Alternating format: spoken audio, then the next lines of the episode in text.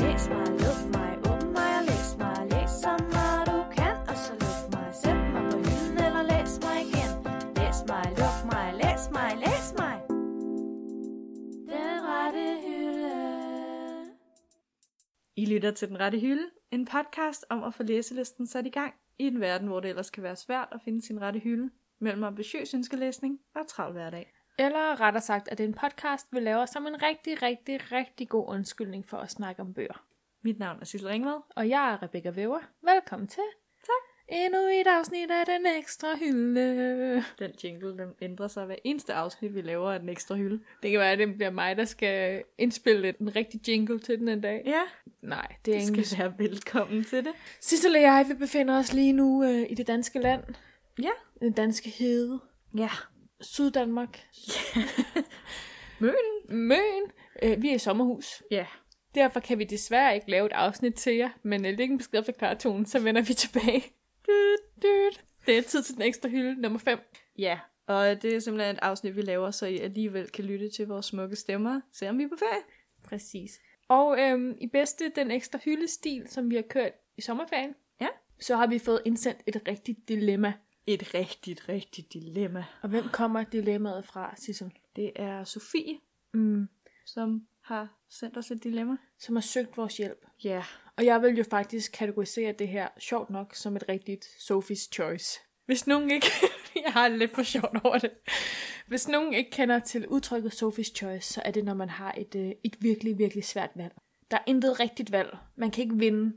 Mm. Mm, Du taber noget lige meget, hvad du vælger. præcis. Og det er spørgsmålet, om Sofie også gør det, efter vi har snakket om hendes dilemma i dag. Ja. Kan du ikke lige øh, hurtigt oprids til lytterne, som jo ikke har hørt dilemmaet, hvad, hvad, hvad går det ud på? Ja. Hvad er det, Sofie skal have hjælp til i dag? Jamen, Sofie havde følgende dilemma.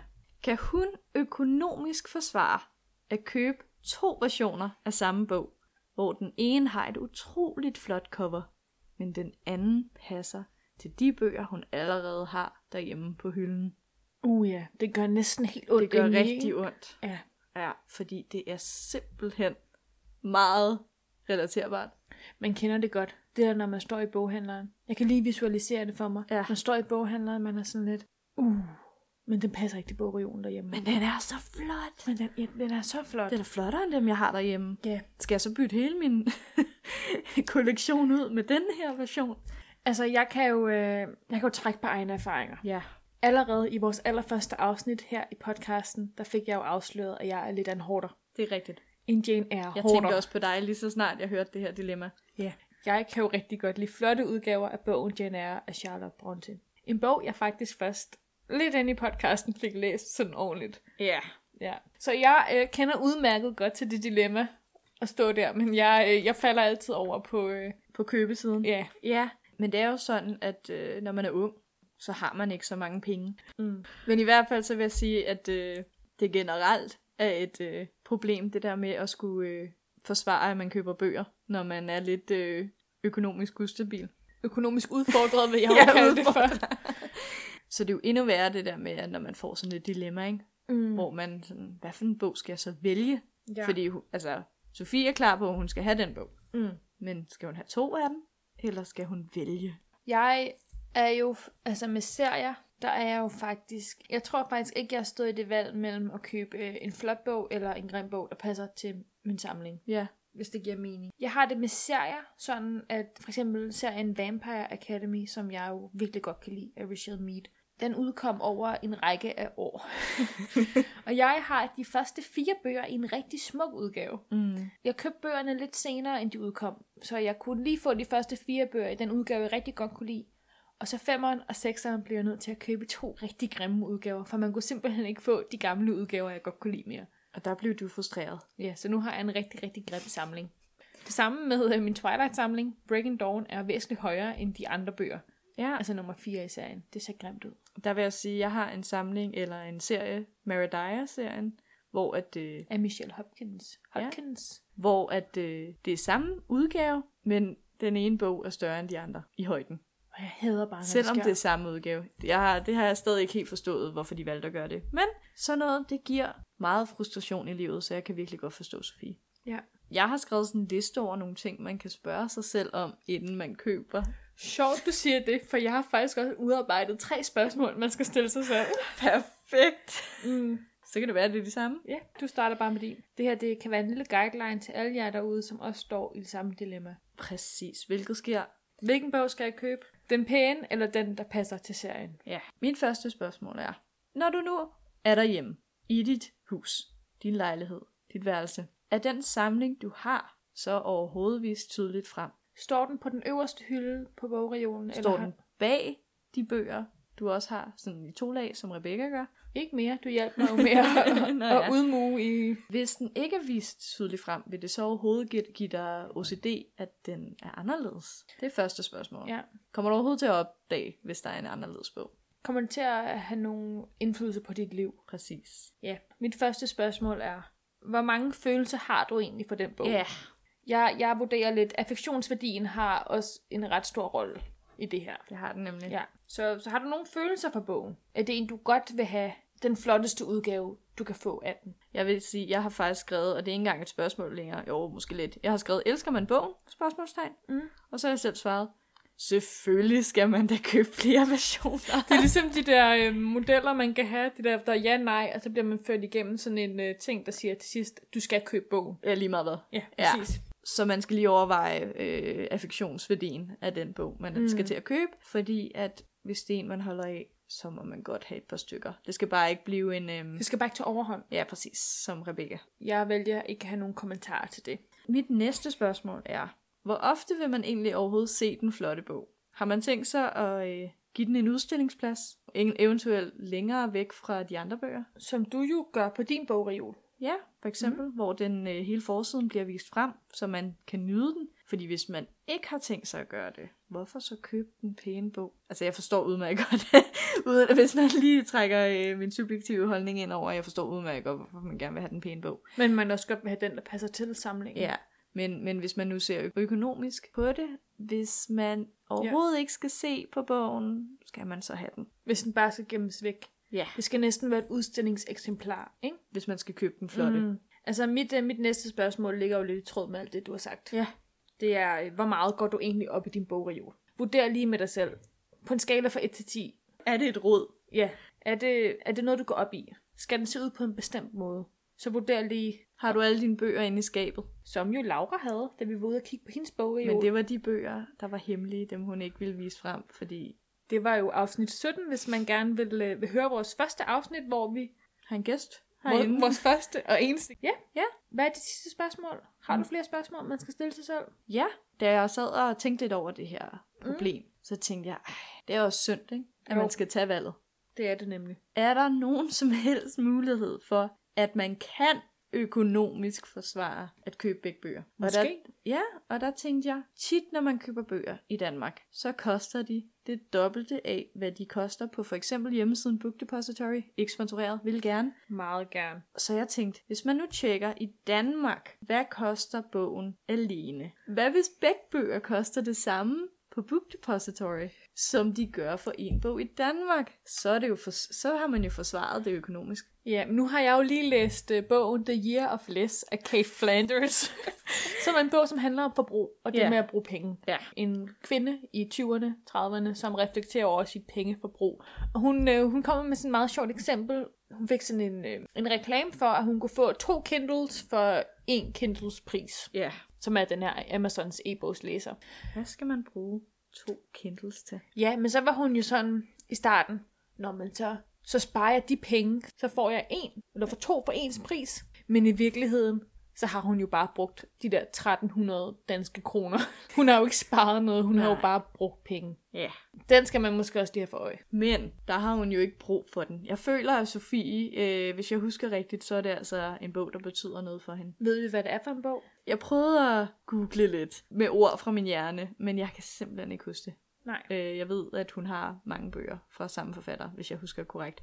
Men nej, jeg, jeg kan ikke helt huske, hvad det er for en bog. Men i hvert fald en, hun gerne vil have. Ja, Mit sidste spørgsmål, det vil være det, man skulle stille sig selv, og faktisk det alt afgørende spørgsmål, man skal stille sig selv. Ja. Det er, vil det gøre dig gladere? Will it bring you joy? I bedste Marie Kondo-stil. Spark Joy. Spark joy, undskyld. Du øh, går helt ind i øh, produktivitet, mindfulness, øh, self-development-genren her nu. Altså, hvis man nu har lyttet til vores øh, sidste afsnit, så har jeg jo også øh, læst introduktionen til en bog om øh, personlig vækst. Måske det er der, den er. Nej. Øhm, ja, vil den gøre dig gladere? Ja. Altså, der er ikke noget værre end at gå fra en boghandel. Kender du den følelse, hvor man går derfra, og så kommer man hjem, og så tænker man bare, åh, oh, jeg skulle have købt den bog. Jeg tænker tit sådan, når jeg har været i udlandet, Mm. og har været i en boghandel, fordi der tit er mange bøger, som man ikke kan få fat i i en dansk boghandel, eller den koster det dobbelte i en dansk boghandel. Og der har jeg været sådan lidt, det var min eneste chance for at købe den, og I hvert jeg fald gjorde det ikke. fysisk. Ja, fysisk. Så ja, det kan jeg udmærket godt. Ikke så meget i danske, fordi jeg ved, at jeg bare kan tage derhen igen. Mm. Også sådan noget, hvis der er nogen, der sælger deres bøger. Så er det ligesom om, så skal man lige tage et valg, og der fortryder man det også nogle gange, at man ikke tog chancen. Altså, jeg vil sige, jeg var i foråret til et øh, foredrag med øh, instruktøren og manuskriptforfatteren til Skam, som hedder Julie Andem, hvor at man efterfølgende kunne købe øh, et af manuskripterne af hende og få den signeret. Og der kan jeg jo synes, jeg var sådan lidt, den kostede 170 kroner bogen, Mm. i hvert fald en af manuskripterne. Og jeg var sådan lidt, Åh, skal jeg nu købe den? Altså, skal jeg nu købe det manuskript? Kommer jeg til at fortryde det? Og jeg var sådan, 170 kroner er mange penge for, for en bog, jeg egentlig allerede har læst, Ja. og en serie, jeg har set. Som måske ikke har så meget genlæsningsværdi. Ej, jeg kunne godt læse den igen. Kunne du godt Ja, jeg købte sæson 2. Det er min yndlingssæson af skam. Men i hvert fald, øhm, til sidst så blev jeg enig med mig selv om, det er jo en nu eller aldrig chance, jeg har for at få en, øh, en bog signeret af hende. Ja. Så jeg købte den. Jeg tror generelt, at vi måske skal konkludere, at Rebecca ikke kan stå. st- hun kan ikke lade være med at købe en bog, når hun først har, øh, har Hvis- fundet og set den og elsket den på Ja. bogregionen. Ja, yeah. det bringer mig måske også videre. Nu sagde jeg sidste spørgsmål, hvad der er afgørende, ikke? Ja. Men jeg har det mest afgørende og mest kedelige spørgsmål, man kan stille sig selv. Har du råd? Ja, hvor mange penge har du? og det er måske det spørgsmål, jeg aldrig rigtig helt med tænker. Tør du at fortælle din A-kasse, at du lige har købt 1000 kroners hver af bøger? Ja, det er ikke et rigtig godt spørgsmål. Og ja, det lyder jo så intelligent, ikke? Man skal bare ikke sige, at de alle sammen er young adult. Så var der den om pigen i skoven, og manden, der kun levede om natten. Nej. Sissel, øhm, er det vores, vores råd til, til Sofie? Er det en løsning på problemet? Sofie, Mm. se dig om. Tænk, elsker du den her bog? Hvor stor en affektionsværdi har bogen for dig? Kan du godt lide, at der er orden i tingene? Hvis du godt kan lide det, så er det generelt penge eller ej, ikke så smart at købe en bog, der ikke ligner de andre bøger. Nej. Det kan man altså blive en lille smule øh, frustreret over. Men omvendt, hvis bogen vil gøre dig gladere. Men hvilken det? Wow. Det er wow. helt filosofisk, det her.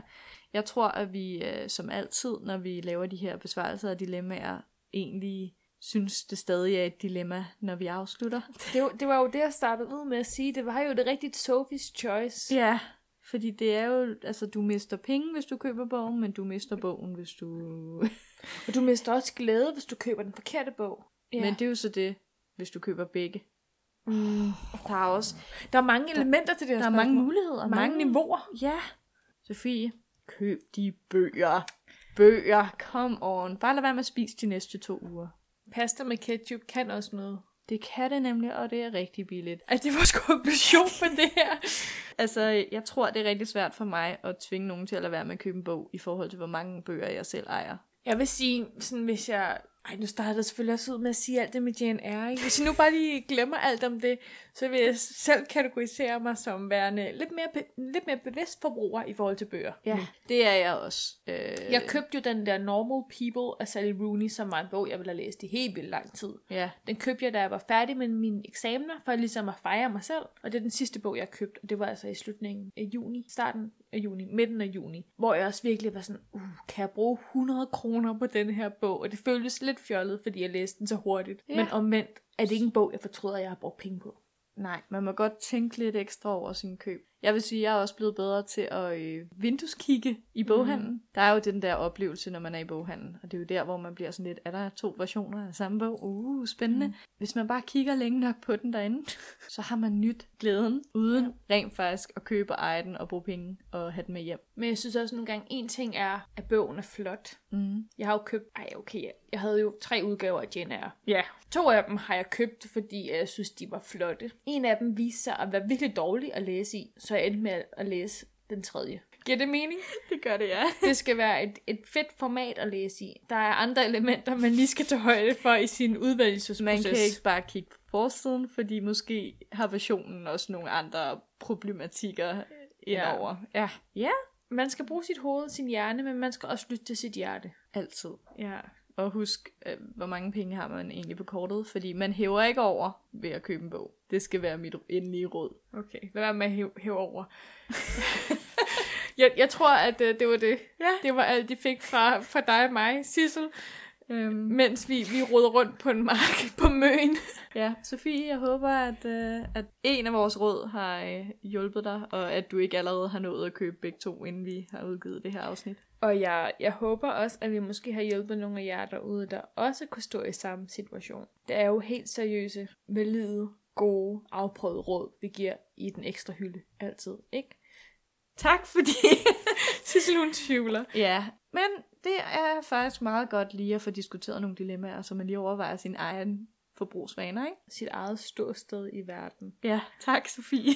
Tak. Så kan vi måske lige slutte af med at sige, at hvis øhm, I nu har tænkt, wow, nogle gode råd i dag, jeg har også brug for hjælp til et eller andet litterært, som I kan diskutere, så kan man jo altid lige sende os en lille mail, eller en besked på Instagram, eller på Facebook. Hvis man ikke kender til vores mail, så er det den rette hylde podcast, gmail.com, og ellers så hedder vi den rette hylde på sociale medier. Overalt, ja. Så kan man lige sende os en lille besked og være sådan lidt, hey, Vil I ikke hjælpe mig? hjælp, SOS. Og så siger vi, jo mand. Vi hedder jo øh, Sissel og Rebecca og Monopolet. Minus Monopolet. Ja, dem har vi ikke med endnu. Men øh, som altid, tak fordi I lytter med. Hvis man nu vil høre resten af vores afsnit, som ikke er ekstra hylder, som jo er det her, den her serie, vi kører, hvor det er, når vi er lidt væk. Nej, det er den ekstra hylde, den man lige slår op, når, når der mangler plads eller tid i livet. Ja. Så kan man lytte til resten af vores afsnit på iTunes, på Spotify og på SoundCloud. Yes. iTunes er jo helt speciel, Fordi inde på iTunes, så er der en knap. og den hedder abonner. Og hvis man trykker på den knap, Så vil I simpelthen få en notifikation, hver gang vi lægger et nyt afsnit op. og det vil man ikke misse. Det vil man nemlig ikke. Og det vi ikke vil misse, det er en lille anmeldelse fra jer derude inde på iTunes. Eller en lille stjerne. Eller fem. Det er op til jer. Udover det, så som vi sagde for tidligere, så er vi altså på Facebook og på Instagram. Så følg os der, skriv til os der. Vi vil gerne snakke med jer. Jeg vil vi. Sissel, jeg tror ikke, vi har mere at sige. Tak for et ekstra afsnit. Nu skal vi brænde noget bål, eller Resten nogle skumfiduser. det tænker jeg. Det håber jeg rigtig meget, vi kommer til. Vi ses.